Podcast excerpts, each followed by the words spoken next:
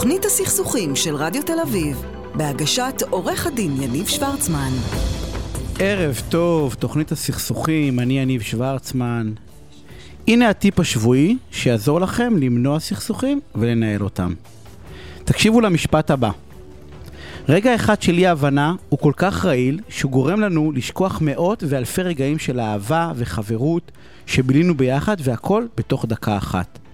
חייב להגיד שחלק גדול מהכלים המקצועיים שיש לי, שרכשתי, הם מתוך לימוד של ידע מקצועי וייעוץ ללקוחות שלי. והנה דווקא בבור הזה נפלתי. אתם הרי מכירים את זה. מישהו אומר לנו משהו בשיחת טלפון, בזום או בשיחת מסדרון, מישהו כתב משהו בוואטסאפ או במייל, ואנחנו מתחילים להעלות עשן. משהו מקפיץ אותנו. מילה שהשתמשו בה, הניסוח של המשפט, שנראה מאשים או פוגעני, מי לא מכיר את תחושת הכעס שמתחילה ועולה? עכשיו, אני לא ארחיב על התהליך הפסיכולוגי, אבל אנחנו כולנו עושים פרשנות מיידית. בשניות אנחנו קובעים מה המשמעות של מה שנכתב עבורנו. לא המשמעות המילולית של המילים, אלא המשמעות הרגשית. ואז, או אז, אנחנו מגיבים בתוך ערפל הכעס, הרוגז והעלבון. אנחנו לא מגיבים בכלל על מה שנאמר או נכתב, איך זה רלוונטי? אנחנו מגיבים על איך זה גרם לנו להרגיש. ומתחיל מחול שדים. ריב ועימות מיותרים לגמרי, שלא פעם הופכים לסכסוך מר. אין אין מישהו שלא עבר את זה, אין, תחשבו על עצמכם. והאמת היא שהפתרונות די פשוטים. כל אחד יכול לבחור את הפתרון הנוח לו. והעיקר, למנוע את אי ההבנה. שתגזול מאיתנו משאבים, משאבים של רגש, הרי אנחנו נכעס ונתאכזב ונתרגז, משאבים של זמן, כי אנחנו נעסוק בשטות הזאת, באי הבנה הזאת, משאבים של כסף, זמן עבודה, עלויות של הסכסוך, והנה הפתרונות. קחו פתרון אחד שמתאים לכם, לאופי שלכם, ובעיקר לסיטואציה. לראשון, אני קורא את מנטרת הלא הבנתי. מרגישים רגש שלילי כלשהו, אוטומטית תגידו, לא הבנתי. אתה או את יכולים להסביר לי? בלי לחשוב, לתרגל את זה מנטרה. לא הבנתי, תסביר שוב. ככה נמנע אי הבנה. השני, אל תגיבו. כן, זה טיפ קבוע בכל סיטואציה של עימות, אבל כאן במיוחד. זה נורא פשוט. משהו מכעיס אתכם, מרגיז אתכם, מעליב אתכם, אל תגיבו, בשביל מה? שלא תתבלבלו, אני לא אומר לתת את הלחי השנייה, חס וחלילה מי שמכיר אותי. אני אומר להחזיר ולהגיב כשאתם רגועים וחדים ומבינים את הסיטואציה. הפתרון השלישי הוא למתקדמים, הטוב, הרע והמכוער. לכל דבר רע ומכוער יש גם את הצלע השלישית. האם אתם יכולים לפרש את אחרת הכוונה? האם יש דרך נוספת לראות את הדברים? במידה וכן, תייחסו את מה שנאמר אליה. ואחרון וחביב, עין או אוזן נוספת. צד שלישי לעולם יראה את הדברים אחרת ממכם, לטוב ולרע. הוא לא מעורב רגשית, ולכן חוות דעתו הסובייקטיבית הרבה יותר קרובה לכוונה האמיתית. והנה אנחנו מתחילים. תוכנית הסכסוכים של רדיו תל אביב, בהגשת עורך הדין יניב שוורצמן. ואני רוצה להגיד תודה לעמית בגם שנמצא על התפעול הטכני ולענבר סולומון שעורכת ומפיקה. תודה לשניכם. ואני רוצה להגיד ערב טוב לעורכת הדין עדי חן, מומחית בדיני משפחה ירושה גירושין, יו"ר ועדת זכויות הילד בלשכת עורכי הדין. עדי, ערב טוב, מה העניינים? ערב טוב יניב, מצוין, ערב טוב למאזינים. תשמעי, אה, בוא נדבר על אה, קווים אדומים בהליכי גירושין. קראתי לא מזמן איזשהו פסק דין שהגיע למחוזי בכלל, על הטרדה מאיימת, שבעצם אישה הגישה נגד בעלה, אם אני זוכר נכון, בקשה להטרדה מאיימת, שטענה שהוא שולח חוקרים פרטיים שעוקבים אחריה. וזה מטריד אותה, וזה לא נעים. כן, מכירה את פסק הדין, כן. כן, ובעצם פסק הדין אמר, לא נעים להגיד את זה בשפה הכי עממית שיש, באסה. אין מה לעשות, זה חלק מכללי המשחק. ואני רוצה לדעת, יש, יש קווים אדומים בהליך גירושין? אז כאילו, יופי, אתה, מבחינתך, כמי שמלווה צדדים, כן. יש כאילו קווים שאת אומרת, זה לא? כן, what's done? מה, מה אפשר לעשות, מה אסור לעשות, מה לא כדאי לעשות. יפה, אני חושבת שמדובר בסוגיה מאוד מאוד חשובה לכל המתגרשים בפוטנציה, ו, ובאמת חשוב להעביר אותה. יש קווים אדומים שאסור לך לחצות אותם. א', אני אהבתי את ה... אחת ההערות שלך שלעולם אל תגיב. הטיפ שנתת אותו, טיפ קבוע, לעולם אל תגיב, זה הטיפ הראשון שאני נותנת. כמוך גם אני, אני לא אומרת אה, מי שסותר לך, אז תן לו את הליכי השנייה, אבל אל תגיב, תבלע את הרוב, כי לרוב, אם אתה תגיב, אז אתה מהר מאוד תמצא את עצמך בתחנת המשטרה ובמעצר. זה מה שקורה בהליכי גירושין, אל תגיב, להפך, אם אתה כבר מתחיל להרגיש שמשהו לא בסדר בבית, אז תדאג שיהיה לתמיד עליך מכשירים אלקטרוניים כדי לתעד את מה שקורה. זה דבר אחד. כי בעצם, לצורך העניין, זה לא משנה אם זה גבר או אישה, מישהו אומר משהו, ואז אנחנו מגיבים, לא כי אנחנו באמת, אה, את יודעת... נכון, לפעמים זה פרובוקציה. לפעמים יש עצות של אחיתופל שאנשים מקבלים מאנשים שחושבים שהם נותנים עצה טובה, אבל בעצם זו עצה מאוד מאוד מאוד גרועה. שתייצר פרובוקציה כדי שהצד השני יהיה אלים, ואז את, אתם תיפגשו בתחנת המשטרה. אל תעשה את זה, כי הרבה פעמים, א', זה רק יגרור אותך למקומות שאתה לא רוצה, ב', תמיד, גם לצד הקורבן, לרוב היום אנשים מאוד מתוחכמים ומבינים שיש ציוד אלקטרוני ובשפע, והם מצוידים, יש הרבה מאוד עורכי דין שיעצו לכל לקוח שפונה אליהם, בוא קח ציוד אלקטרוני, מכשיר האזנה, ש... אה, סליחה, מכשיר הקלטה אה, ותקליט את מה שמתרחש כשאתה מדבר איתו ואיך הוא מקלל אותך ואיך הוא מאיים עליך ואז אז דבר ראשון אל תגיב, כי קח בחשבון שלא כן. כל הסכסוכים הם אותנטיים. נכון. יש סכסוכים שמטרתם היא להוציא ממך אמירות שלא היית רוצה להגיד בשוטף. כן. נקודה, אוקיי. נקודה נוספת חשובה, אל תייצר פרובוקציות, כי מהר מאוד תוכל למצוא את עצמך בתחנת המשטרה, אחרי שהגישו נגדך תלונה על הגשת תלונת שווא, תצטרך לשלם לעורכי דין הון כסף וגם תאבד את האמפתיה של בית המשפט, כי בית המשפט, שברגע שיראה שהגשת תלונת שווא למשטרה, הוא כבר לא, לא יאהב אותך יותר. הוא כבר, אתה תראה את זה גם בהחלטות שלו, הוא מקבל רושם מאוד רע לגביך, ו... כל דבר שקשור בהתרשמות, יהיה לך בעיה איתו. זה, זאת מטוטלת בעצם שקצת חוזרת על, התלו, על ריבוי התלונות, שבעצם כן. היום יש איזשהו דגש על תלונות שווא, שלא, לא, זה, לא נכון. עובר, זה לא עובר על סדר היום, זה לא שאני, מה אכפת לי להגיש תלונה, כי מקסימום מה יכול לקרות. אבל בצדק, בצדק. אני חושבת שצריך למצות את הדין עם כל, עם כל מי שמגיש תלונת שווא במשטרה, ומעסיק את המשטרה. למצות את הדין עד תום. אוקיי, אז, אז אמרנו, אל תגיעי... אגב, אל... אצלי במשרד אני ממצה את הדין, אני מגישה את התלונה על הגשת תלונת שווא, אני מנסה להפעיל את כל דבר אפשרי, לרבות קבלת פיצויים, כדי שיהיה תג מחיר לתלונת שווא הזאת. וכדי שתהיה הרתעה. בעיקר, אוקיי? Okay. אוקיי? אז אמרנו, אמרנו לא להגיב ואמרנו כן. אה, לא לעשות פרובוקציה, כי בסוף אתה תשלם על איזה מין בומרנג שיחזור אליך. טיפ נוסף, אל תפסיק את העבודה, כי אתה בהליכי גירושין. אל תצמצם את, את היקף השכר שלך, אל תעז לעשות את זה. א', הראשון שייפגע זה אתה, יכול להיות שיפטרו אותך יום אחד, גם אם המעסיק שלך משתף איתך פעולה ומסדר לך מסמכים שונים כדי להראות לבית המשפט שהנה העבודה שלך אה, אה, נפגעה ואתה מרוויח פחות וכולי, יום אחד זה ישמש לרעתך. גם המעסיק אולי ירצה לפטר אותך יום אחד, אז יהיה לו מאוד מאוד קל לפטר אותך על סמך המסמכים האלה. אוקיי. אוקיי? אה, איזה דבר, אה, אה, יש לי זה בדיוק חוקר פרטי. חוקר פרטי. קודם כל, הטיפ הכי עיקרי שלי, שאני רוצה לתת בהקשר הזה, חוקר פרטי זה מאוד מאוד לגיטימי. אגב, ברוב התיקים שקשורים בדיני משפחה, יש הפעלת חוקרים פרטיים. אם זה חוקר כלכלי, שאני צריכה לדעת איפה הכספים, כמה הצד השני מרוויח, מי, או איזה עסקאות הוא עושה, באיזה מדינות יש לו השקעות, אז יש, לי, יש, יש חוקרים פרטיים, ויש גם חוקרים פרטיים כדי לבדוק אם יש בגידה, אין בגידה. כל הדברים להגן על אינטרס לגיטימי של הלקוח הוא מאוד מאוד... מוצדק ולגיטימי, כי אם הצד השני בוגד, אז אם, אם זו אישה, אז לא מגיע לה כתובה, לא מגיע לה מזונות, לא מגיע לה הרבה דברים, אוקיי? וגם צריך להראות את הצדק, אז זה מאוד מאוד לגיטימי. אבל מה שחשוב, אם אתה יוצר קשר עם חוקר פרטי, אז תיצור קשר עם חוקר שהרישיון שלו בתוקף. אל תיצור קשר עם אדם או חבר שיעקוב אחרי מישהו, כי זה כבר בילוש ו- ומעקב וזה, וזה אסור על פי החוק, והוא ניתן אך ורק לחוקרים פרטיים בעלי רישיון תקף. אז זה דבר מאוד חשוב, עם מי אתה יוצר קשר, כי הם יודעים את העבודה. את אומרת כן לגיטימי להפעיל חוקרים, אפילו מה זה לגיטימי? אפילו כאילו, רצוי. אפילו נדרש בחלק גדול נכון. מהמקרים. למרות שבעיניי תמיד זה הזיה, אתה מתגרש ממישהו... כי אני אומר, אתה מת... לא, אני מבין את הצורך, אני אומר, אתה מתגרש מישהו, תגרש כמו בן אדם, בחייאת, מה חוקרים? בוג... ד... די, היא יודעת מה היא עשתה, הוא יודע מה היא עשתה, מה... כל אחד יודע מה העסק שלו בחבילה. יניב, שנינו ילדים קטנים, כמה בגידות יש? מלא, אבל שנייה, אז מה, תיפרדו כמו בני אדם. בסדר, אבל אם הצד השני משקר, אז איך אני אוכיח? אה, חד משמעית, אני משקר, אין לך ברירה. אני צריכה, אני צריכה אה, אמצעים כדי להוכיח לבית המשפט, וזו הדרך היחידה שיכולה להביא לי הוכחות. לפעמים, כן?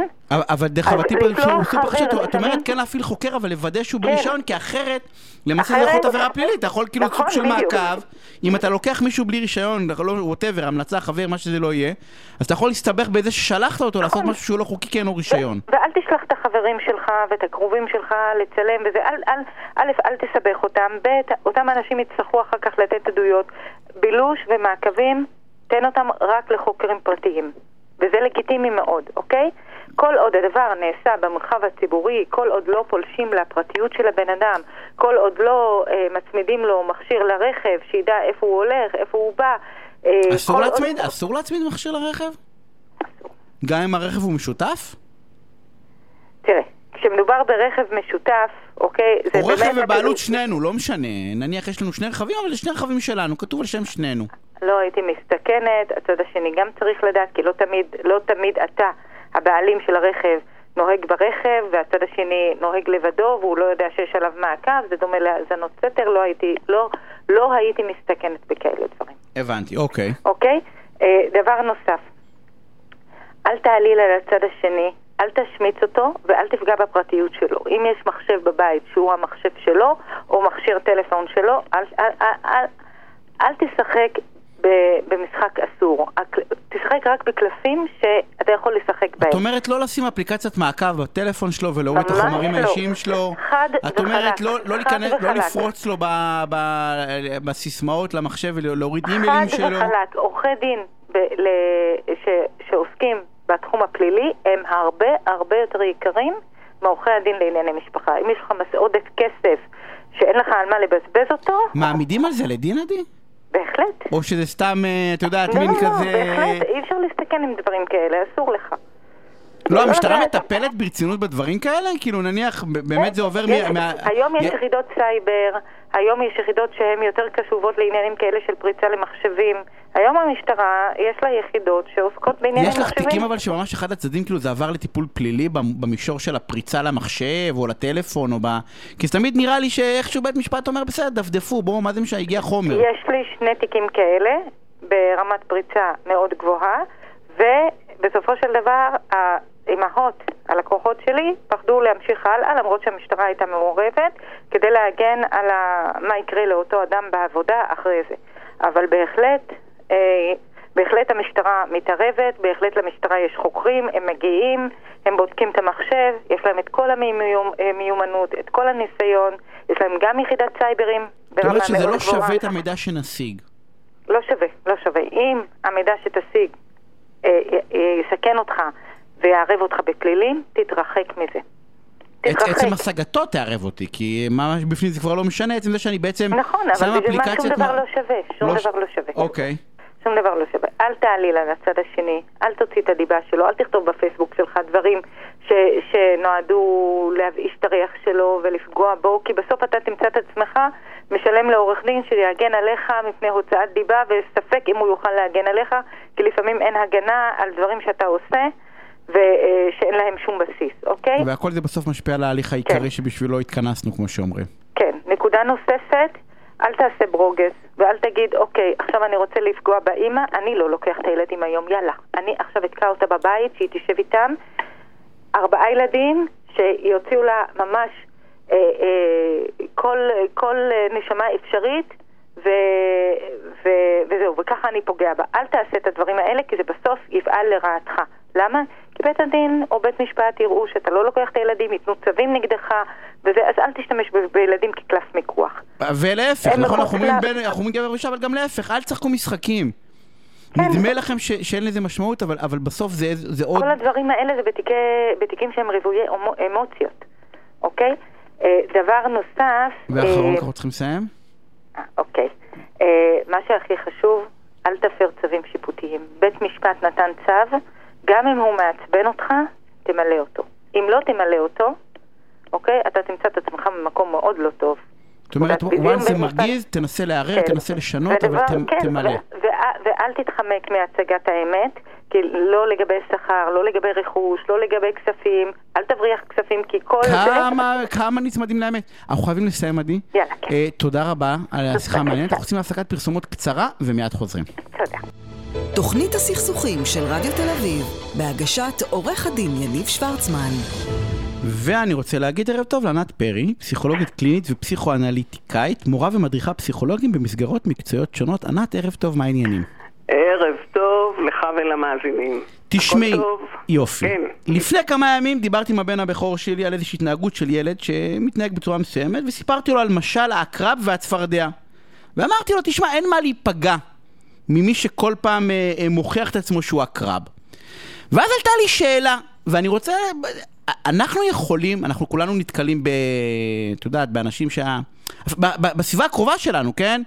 שההתנהגות שלהם, אנחנו נורא אולי רוצים בקרבתם, אבל ההתנהגות שלהם והאופי שלהם מייצר אצלנו איזשהו אנטיגוניזם, איזשהו כעס מדי פעם. אפשר לשנות אנשים? השאלה אם אפשר לשנות אנשים היא שאלה מורכבת, כי אה, היא, אתה, אם אתה שואל אותי לגבי טיפול, התשובה היא כן. אבל אם אתה שואל אם אנשים משתנים לבד, התשובה היא לא.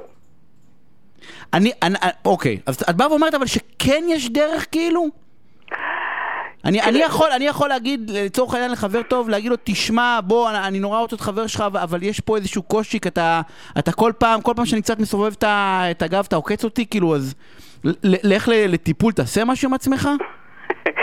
תראה, אה, הבעיה, הבעיה הגדולה שלנו בסיפור הזה היא שהאפשרות להשתנות היא קודם כל תלויה ברצונו של אדם. אם אדם לא רוצה להשתנות, אז אין שום סיכוי שהוא ישתנה. הוא קודם כל צריך לרצות להשתנות, וגם אז אם הוא רוצה להשתנות, ברוב המקרים אנשים לא משתנים, למעט נסיבות, אתה יודע, נסיבות מאוד מאוד קיצוניות של חיים, טראומות, אה, אתה יודע, אסונות גדולים, אה, דברים מאוד מאוד קיצוניים שמביאים אותם לאיזה, לפעמים מכורח הנסיבות להשתנות. אנשים לא משתנים בדרך כלל. אה, אנשים הם, הם, הם איזה, כל אדם יש לו איזה, איזה תבנית או איזה דפוס של התנהלות או התנהגות, אה, מערך של תגובות שבהם הוא פועל אל מול הסביבה, וזה בדרך כלל לא משתנה. אם אתה שואל אותי לגבי חבר או אדם קרוב, אם אנחנו רוצים שהוא ישתנה, האם הוא ישתנה? התשובה היא בדרך כלל לא. אה, זה נכון שזה כמובן תלוי במערכת היחסים, כלומר, אם נניח, כן, אה, אה, אה, מישהו מאוד מאוד חשוב לי, אז יכול להיות שאני אעשה איזה שהם מאמצים להשתנות עבורו אם הוא מציג את זה בתור משהו שהוא הוא, הוא, הוא נורא נורא פוגע בו, נורא נורא חשוב לו, אבל ברוב המקרים ההשתנות היא לזמן קצר, כי, כי זאת התבנית שלנו. אה, אז אה, יש לנו כאן בעיה מאוד מאוד לא פשוטה בסיפור הזה. זאת, זאת אומרת... באפשרות לשנות אנשים. ז- זאת אומרת שכל כל, כל הנשים והגברים שחושבים באיזשהו מקום שהם מסוגלים להשפיע, המילה שינוי אולי גדולה, אבל להשפיע על בן הזוג שלהם או בת הזוג שלהם או ההורים או ווטאבר, בסדר? אה, ש- שיעשו איזשהו שינוי, זה, זה, פיקציה, זה לא באמת קיים, האפשרות הזאתי. תראה, אה, שוב, את- אתה יודע, פסיכולוגים... אנחנו מדברים בכללי, אנחנו לא מדברים פרטני, כן, ברור שיש חריגים. פסיכולוגים מספחים הרי כל דבר, אז אני אגיד קודם כל שזה מורכב, אבל ב- בעיקרון של הדבר. הבעיה היא שרוב האנשים, כשהם מגיעים לרצון להשפיע על בן אדם אחר, הם מתבוננים על הדברים מנקודת המבט האומניפוטנטית שלהם, שאומר, אני, אם אני רוצה שמשהו יקרה, אז הוא יקרה, כי אני חושבת שזה טוב עבור מישהו אחר. אז בנסיבות האלה שום דבר לא קורה. אנחנו צריכים להבין שכשאנחנו פונים לבן אדם מסוים ורוצים שהוא ישתנה, אה, אה, זה רצון שלנו וזה משהו שהוא לא תמיד מבחין במציאות של מי עומד מולנו.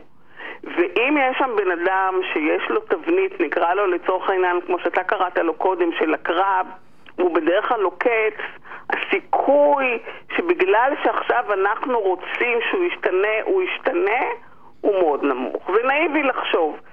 אה, אז בעיקרון, כשאנחנו אה, אה, אה, באים להתנהל מול בן אדם אחר, כדאי שאנחנו נבחין קודם כל מי עומד מולנו. אה, לא, לא דרך המשקפיים של ה-wishful thinking שלנו, אלא דרך מי שהוא, ואיך שהוא מוכיח את עצמו בהתנהגות. ברוב המקרים. בעצם איך שהוא מוכיח את עצמו בהתנהגות. בהתנהגות, בוודאי ובוודאי בהתנהגות. בהתנהגות, זה דבר חשוב. אתה אומר כאן משהו מאוד מאוד חשוב, כי הרבה פעמים אנשים גם יודעים לספר על עצמם כל מיני אלף לילה ולילה, ואפילו מבטיחים דברים, אבל בפועל הם לא מצליחים לקיים את זה. כי הם מתנהלים לפי איזשהו דפוס שלהם, כן, נכון. אה, אני לא רוצה לייאש כאן. לא, אה, אבל למה? בוא. נייאש. לא, אני דווקא רוצה. לא, אני אגיד לך למה. כי זה לא עניין שזה... אנחנו לא מדברים על... זה בעיניי לא ייאוש, זה, זה בעיניי, בעיניי מציאות. כשאנחנו, כשאנחנו מבינים מה ש... את יודעת, את, את אומרת דבר שהוא מדהים בעיניי, כי כל פעם, את יודעת, יש את האמירה של פעם בוגד, תמיד בוגד וכל מיני כאלה. בוא, יש לך דפוס התנהגות. אתה, ה, ה, לב- עוד פעם, זה יכול להיות בן זוג, זה יכול להיות חבר, זה יכול להיות כל אחד, אוקיי? נכון, נכון. עזבו רגע את ההתנצלויות ואת המס שפתיים, וזה פעם אחרונה, וזר פרחים, וכל מה שצריך. לעשות כדי... שמתי את זה רגע בצד, תנקו את זה, כי זה לא אמיתי. נכון. אם בהתנהגות שלו, שלה, נכון, זה, נכון. הוא הקרב, ולא משנה באיזה רמות, אז זה מה שהוא. נכון. ואל תנסו ותחשבו שאם אתם אה, תיתנו תנאים, או לא משנה מה, זה ישתנה, כי זה לא ישתנה. בגדול, בגדול, בגדול, נכון. בגדול. בגדול, זה נכון. ואז בעצם אתם צריכים להחליט האם אתם רוצים נכון. לאכול את החרא שלו, סליחה על הביטוי, או לא. נכון מאוד, ואני חושבת שעל אנשים מאוד מאוד קשה לעמוד אל מול מציאות כל כך נוקבת. אה, זה קשה כי זה מחייב אותם באמת לעשות בדיוק את החשיבה הזאת ו- ולפעמים לסגת, או ברוב המקרים נגיד, אם אנחנו מול הקרב, לסגת. כי זה אומר, אה, אה, לא כדאי להתעסק עם האיש הזה וצריך לוותר אה, אה, אה, על דובשו, כי, כי יחד עם דובשו בא גם מוקצו. אבל זו תחוש... תחושת כישלון נוראית, לא? שאכלתי את זה המס... לא רק כישלון, זה שאכלתי את המס... שהצליח. להאכיל אותי את המס שפתיים שלו, ופתאום אני צריך... אה, את יודעת, כי הרי המס שפתיים הוא נעים, ואני אעביר, את יודעת, כמו המשל, אני לא אעשה כלום בדרך, ו... נכון, נכון. אז, נכון. אז תחושת כישלון, אולי בגלל זה אנחנו לא מודים בזה, כי אנחנו לא רוצים להודות בעצם שנכשלנו בבחירת העקרבים שלנו. אני, אני, אני, אני חושבת שזה זה, זה יותר עמוק מזה, אם תרשה לי. כלומר, בוודאי. זה בוודאי גם... זה בוודאי גם עניין של כישל, תחושת כישלון, אבל אני חושבת שבדרך כלל מדובר על, על, על להישאר לבד, שזה מפחיד אותנו. אה, ו, וגם, ל, אה, אולי, אולי אתה יודע, אולי במקום כישלון זה איזושהי חוויה של ריסוק של, של מי אנחנו, כן? זאת אומרת, כמה, כמה, כמה יכולת יש לנו להשפיע באמת על המציאות. אה, היכולת שלנו להשפיע על המציאות היא מוגבלת, לא שהיא לא קיימת, אבל על לא, אנשים אנחנו, בעיקר ענת, היא מאוד לא. קיימת. היא לא, היא כלפי.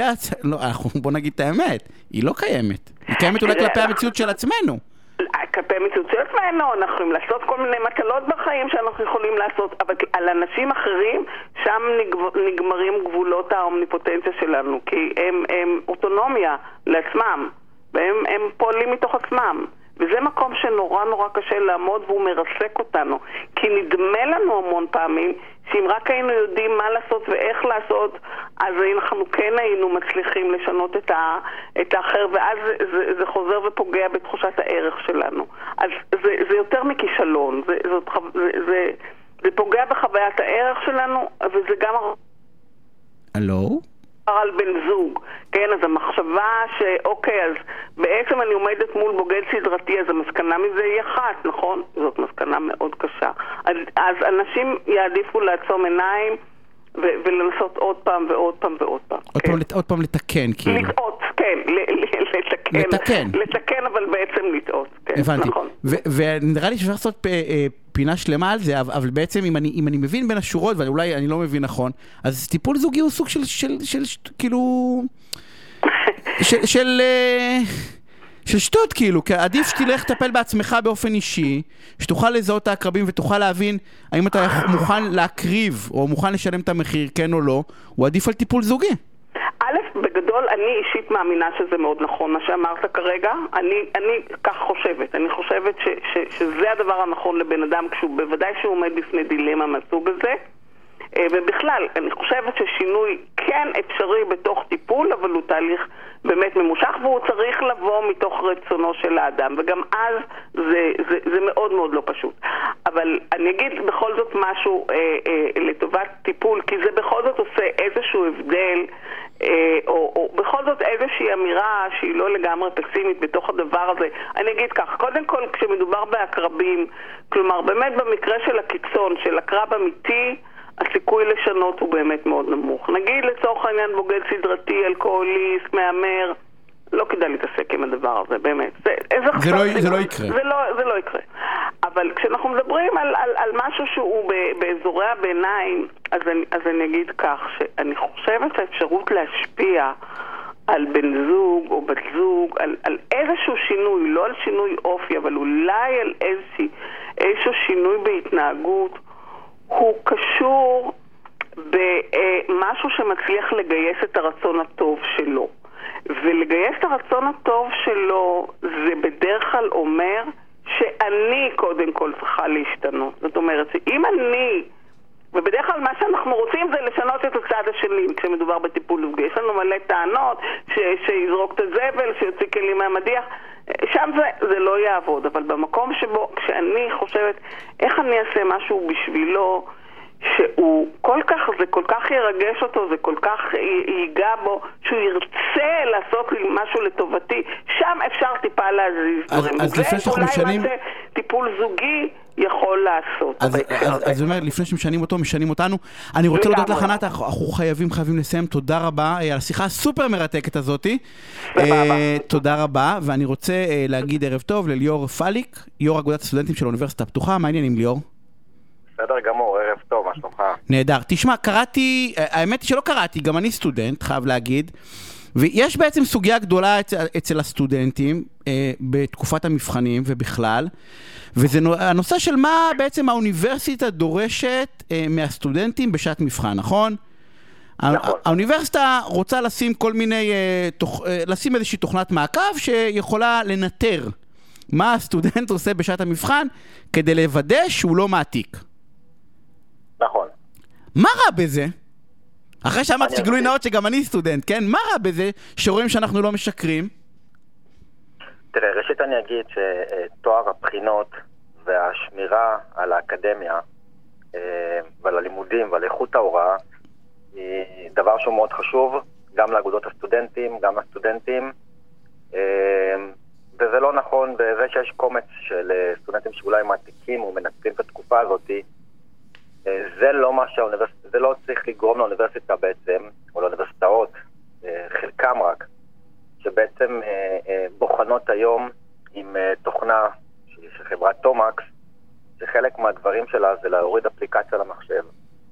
אה, בתוכנה שמנטרת את הסטודנט, אה, בינה מלאכותית בעצם, שיכולה להתריע על כל בעיה קטנה או תזוזה בבית. אתה יודע, אנחנו נמצאים בימים של סגר, והבחינות נעשות בבית. לפעמים מישהו פותח את הדלת שנייה, נכנס. אה, התוכנה הזאת, אה, בינה מלאכותית, בסופו של דבר יכולה לפסול ללא מעט סטודנטים את הבחינה. אה, היא, פוסלת אוטומטית?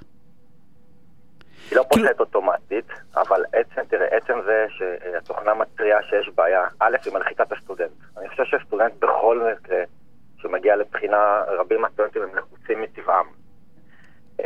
ולכן התוכנה הזאת היא לא מוסיפה. יש פה איזושהי חדירה לפרטיות של הסטודנט, תוכנה שצריכה לנטר את הבעות פנים. אנחנו מדברים על תוכנה, אנחנו מדברים על בינה מלאכותית, אנחנו מדברים על זה שלתוכנות יכולות להיות בעיות.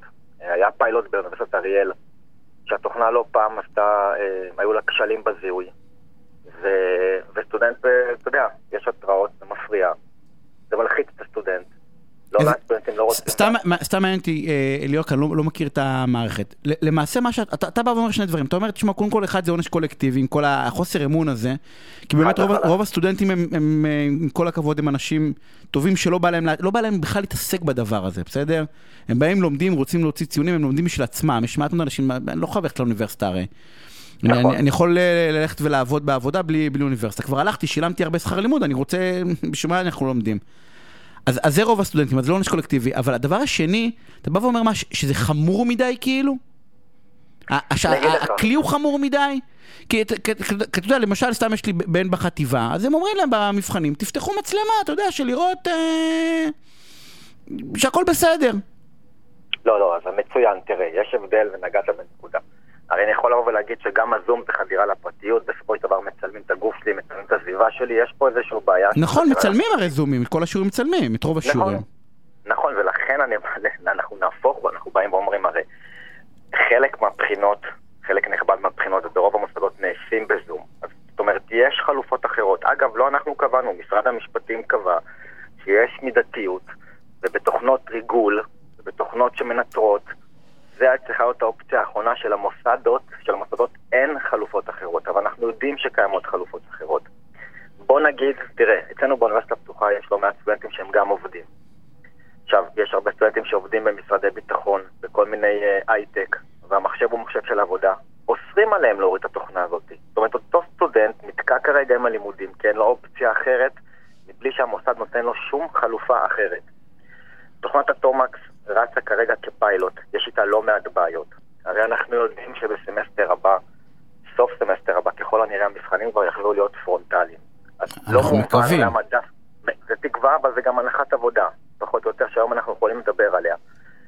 עם החיסונים במקול ביוני, אני מעריך, כולם מעריכים, באקדמיה מעריכים, שהמבחנים יהיו פרונטליים. אוקיי. ליאור? נעלם לנו? אה, ליאור, אתה איתנו? כן. אה, נעלמת לנו, אוקיי. אז אתה אומר חוזרים ביוני, ובעצם כל הרעש הזה בשביל סמסטר אחד. שני סמסטרים. לגמרי. אגב, רוב המוסדות לא משתמשות בתוכנה, הם הודיעו שהם לא ישתמשו בה. נשארו מוסדות מעטים שמשתמשות בתוכנה הזאת, ויש לא מעט סטודנטים כרגע שלא מוכנים להיבחן, אין להם שום חלופה ושום פתרון. זה, זה מה שבאתי לשאול אותך, אני סתם מעניין אותי איך עבדה, זה, זה פילת המאבק, הרי, הרי אתם בעצם בעתירה להיות, אמרת לי, יש אה, דיון ביום ראשון אמרת לי. שני, נכון. שני. Uh, והאמת שזה, שזה מעניין, אבל, אבל למה צריך לחכות לבית משפט? כי יש המון כוח, הסטודנטים אומרים, לא עושים מבחנים, מה, מה, מה יעשו? יכשילו את כולם? יכשילו קורס שלם? קודם כל המוסדות, חלקם עומדות uh, על שני רגליים אחוריות. לא, אני שואל, יכשילו קורס שלם? זה הרי זה מכשיל את כן. האוניברסיטה בסוף. כן, אבל בסופו של דבר, תראה, כל סטודנט מסתכל על עצמו. ובסופו של דבר, גם סטודנטים שחוששים או לא רוצים, חלקם אומר, בשביל מה לי המלחמה הזאת? נשאר לי שנה אחרונה, נשאר לי סמסטר או שתיים, אני לא מוכן לעכב את התואר שלי.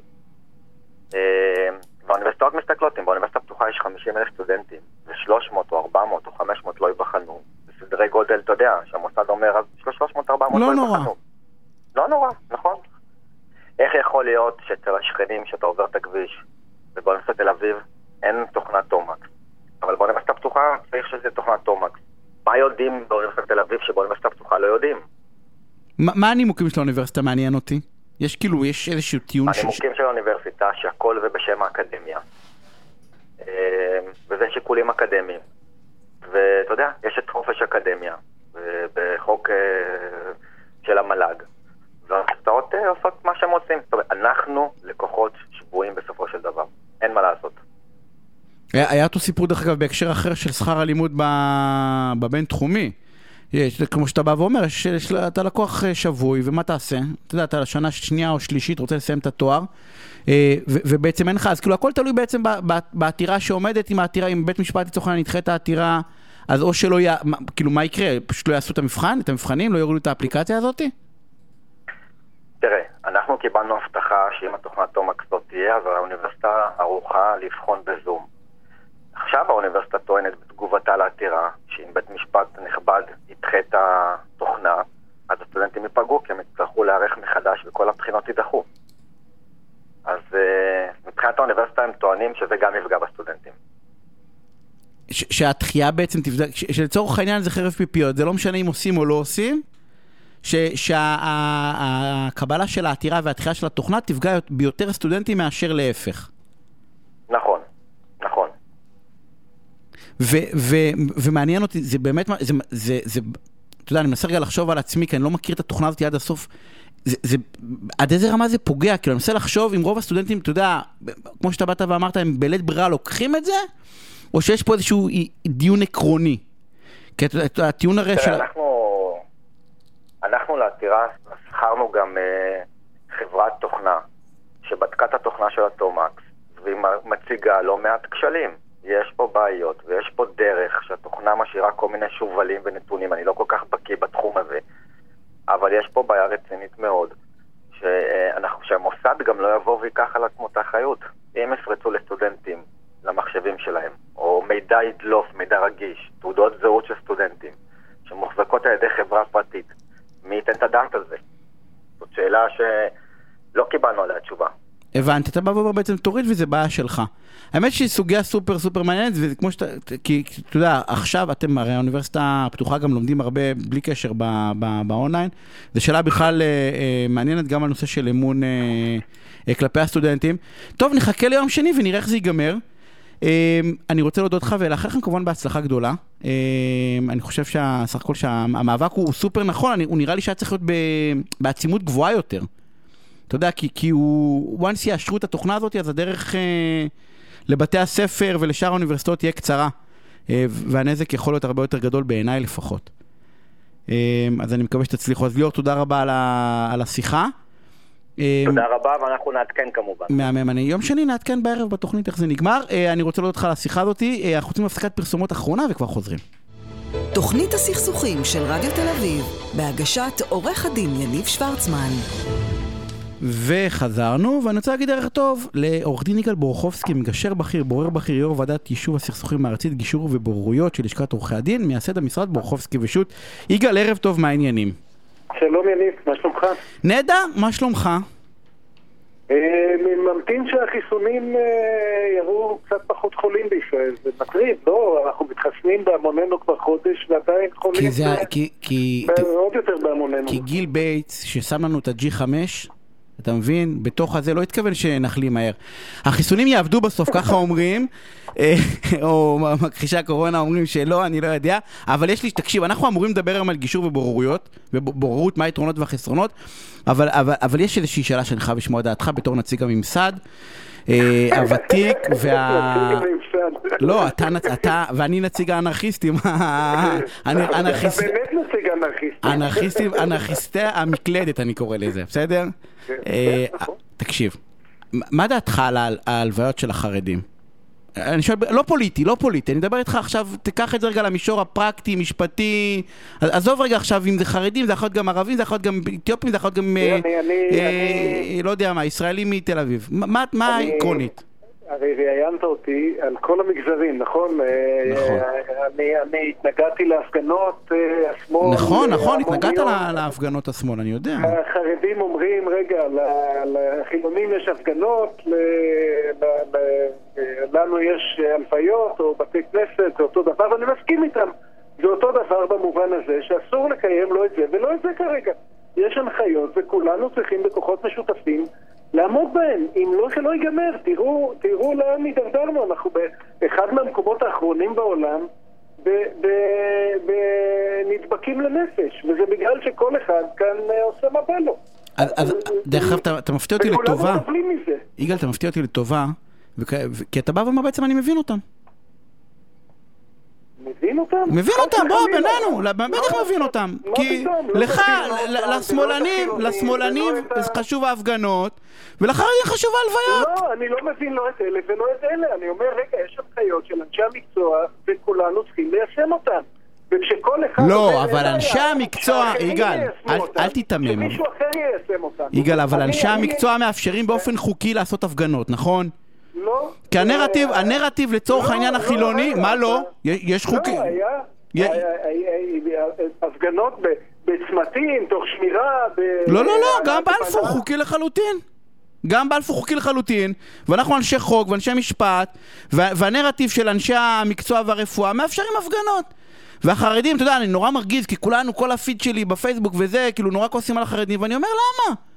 למה? לא- כי אנחנו, אני- כ- כ- כי החילונים... אני לא מבין התקהלויות עכשיו משום צעד, זה מה שאני מנסה להגיד. וגם כשזה היה אסור, או היה, אימא שלי הפגינה יחד עם עשרה אנשים, ואתה ניסית לשכנע אותי, זה בסדר להתכנס אלפי אנשים, לא הבנתי את זה. אני לא מבין, באמת, אה, אה, יש כאן, אה, אה, אנחנו נלחמים בשיניים כדי לאפשר אה, אה, פעילות תקינה תוך כדי אה, ריחוק חברתי. והילדים שלי כבר חודשים בבית, ואני ואשתי מטפחים על הקירות, אה, אה, וזה כנראה ברירה. אז אה, הפגנות והלוויות, למי שמת כבר לא אכפת, הוא ימתין עם הכבוד, לתת לו כבוד, זה אומר עכשיו להדביק אנשים. גדולי המגזר החרדי אמרו, חברים, פיקוח נפש דוחה אפילו שבת, בוודאי דוחה כבוד המת. אני לא מבין את זה. אני לא מבין את זה אצל החילונים, ואני לא מבין את זה אצל החרדים. אתה אומר בעצם הסוגיה היא לא חוקית, אלא היא עקרונית, נקרא לזה מוסרית, שלא הסוגיה צריך... היא חברתית, הסוגיה היא חברתית, ואנחנו, כל אחד מאיתנו נורא נורא רוצה שהשני יקפיד על עקרונות הריחוק החברתי, שאנחנו לא נדבק. וכשאנחנו, אה, כל אחד יש לו את הבייבי שלו, אם זה הפגנות או הלוויות או חתונות, או כל פעם אה, כל אחד מסביר מה הדבר הכי חשוב לו, אז בסוף אף אחד לא מקפיד על כלום, כי השני לא מקפיד, ואנחנו מגיעים לאחד המקומות האחרונים בעולם, בהדבקה לנפש.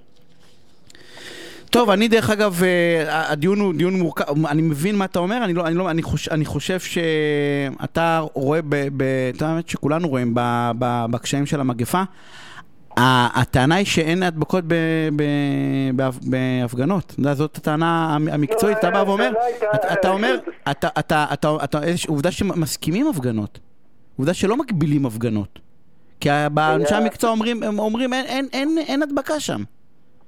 לא, לא, הם לא אומרים שאין הדבקה, הם אומרים שאין ראיות להדבקה. אין ראיות אה, להדבקה, אבל אה, יגאל, אנחנו עורכי דין, מה זה אין ראיות לא קיים, לא? לא, לא, לא, יש הבדל גדול בין שניהם, וכש...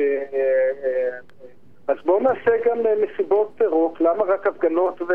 עושים דרך אגב, עושים, עושים. עכשיו בהרצליה היה. מסיבה גדולה שלא הוזמנתי ונעלבתי ופירקו אותה נו, בזמן. ומה דעתך על זה? למה לא? יש אה, אה, פלחים... אתה רוצה את הטיעון היבש? הטיעון היבש? אתה רוצה את הטיעון היבש? אתה יודע מה, אז אם זה ככה, למה לא בתי ספר? בוא, נעשה את זה. יש נתונים על בתי ספר, פשוט כי זה נבדק באופן מאוד מתודי. אתה ולא שואל שאלה נהדרת, אני. חושב, אני חושב כאן, אתה רוצה את המשפט הקשה? אנחנו, אני חושב שבגלל שלחילונים אין רב, אנחנו חסרי עמוד שדרה קהילתית חברתית, אנחנו חסרי עמוד שדרה קהילתית חברתית, והיכולת שלנו לארגן לצורך העניין אמירה שאין שום היגיון בסגירת בתי הספר, שאין שום היגיון בסגירת אה, אה, מוסדות חינוך, דרך אגב לא אנחנו אומרים את זה, בסדר? משרד החינוך אומר את זה.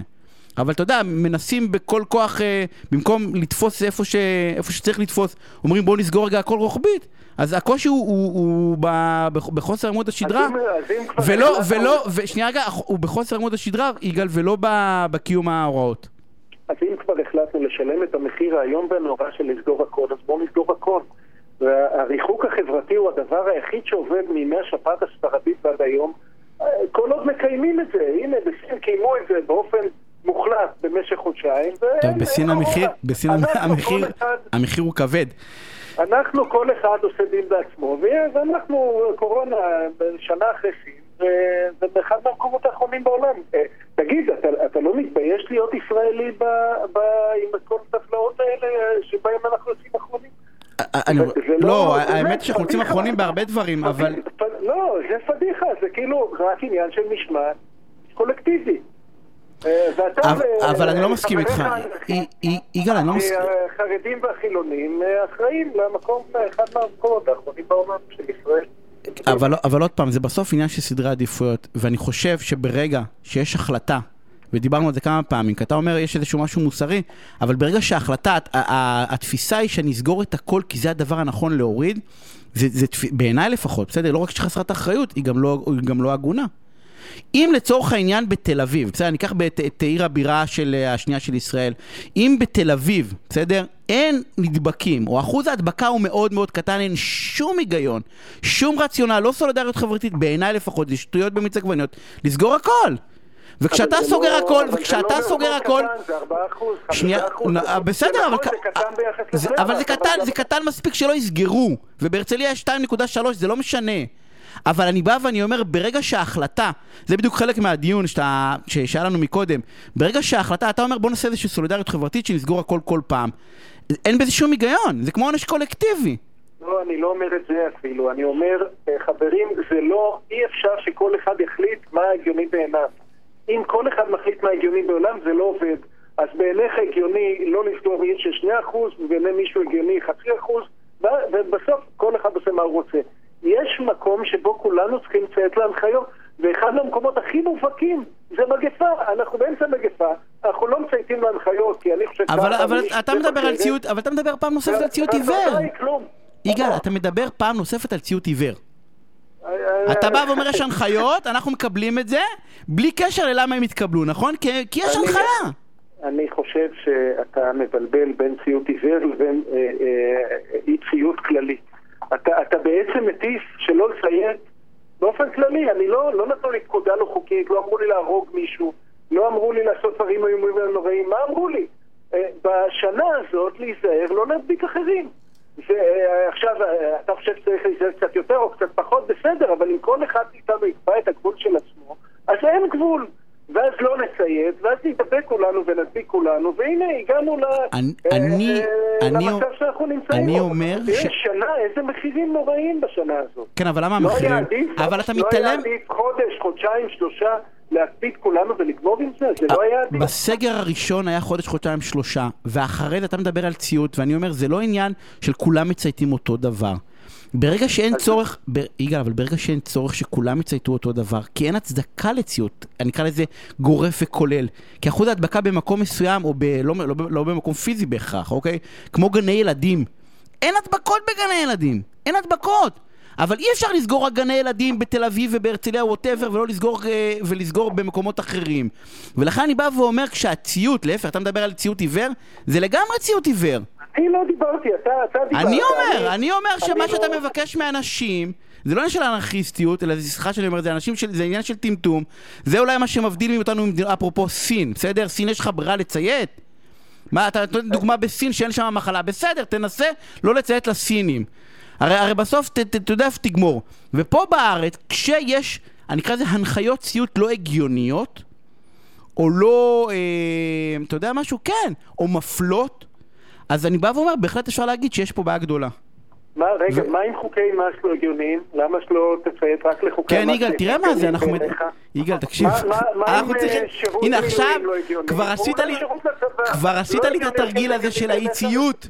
אנחנו כאילו, צריכים לסיים. אתה, ברגע, אתה מבין? ברגע שאתה מכניס היגיון לתוך ציות, ברגע שאתה לא שומר את, ה, את אי הציות למקרים מאוד מאוד קיצוניים של, של עוולות מוסריות נוראיות, אתה הופך דמוקרטיה אני אומר. לך שאם, אני לא יודע, אין לנו- אני לא יודע אם יש לך... ומביא אותנו בסוף, אה. למקומות הרבה יותר גרועים. אנחנו צריכים לסיים, אנחנו, טוב, באתי להגיד לך משהו, אין לנו זמן, 26 שניות. יגאל, תודה רבה, שערב מעולה, אנחנו נשקול לעשות עוד, אה, אה, לא נשקול, נעשה עוד פינה כזאתי, אני רוצה... רק, משפט אחד. לא, אין משפט, אין, אין, נגמר. אחר אתה עושה את של עמית בגם היה אחראי על התפעול הטכני וצריך להודות לו, וענבר סולומון היא זאת ש... ודני סידס מיד אחריי, אנחנו חייבים, חייבים לסיים. תשמרו על הבריאות, לכו להתחסן, תשמרו ככל האפשר על ריחוק חברתי, שנסיים עם זה שבוע הבא, שני בערב, ביי.